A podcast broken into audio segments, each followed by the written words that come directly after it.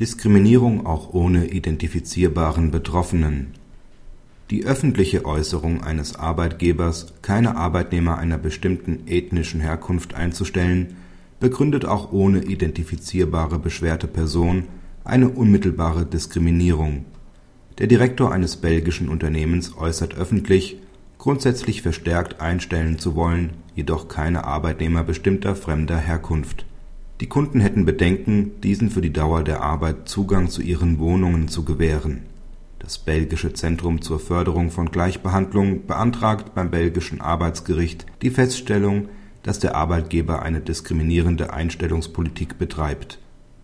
Dem EuGH wird die Frage vorgelegt, ob solche Äußerungen auch ohne identifizierbare beschwerte Person eine unmittelbare Diskriminierung begründen der EuGH stellt fest, dass es Ziel der Richtlinie 2000/43/EG ist, günstige Bedingungen für einen die soziale Integration fördernden Arbeitsmarkt zu schaffen.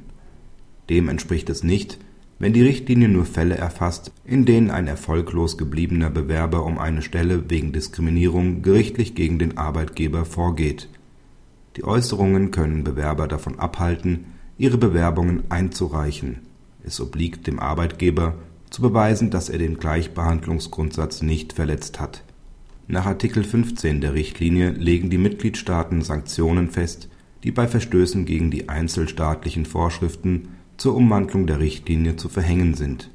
Die Sanktionen müssen auch ohne identifizierbaren Betroffenen wirksam, verhältnismäßig und abschreckend sein.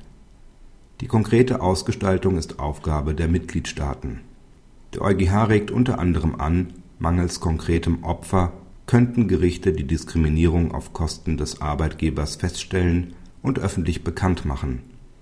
Praxishinweis Die Folgen dieser Entscheidung sind noch völlig offen. Nach deutschem Recht sind Sanktionen, wie der EuGH sie fordert, bisher nicht denkbar. Antidiskriminierungsverbände haben in Deutschland im Gegensatz zu Belgien kein eigenständiges Klagerecht gegen Diskriminierungen sondern nur ein Beistandsrecht, so dass ein Schadensersatzanspruch nicht in Betracht kommt (vergleiche § 23 AGG).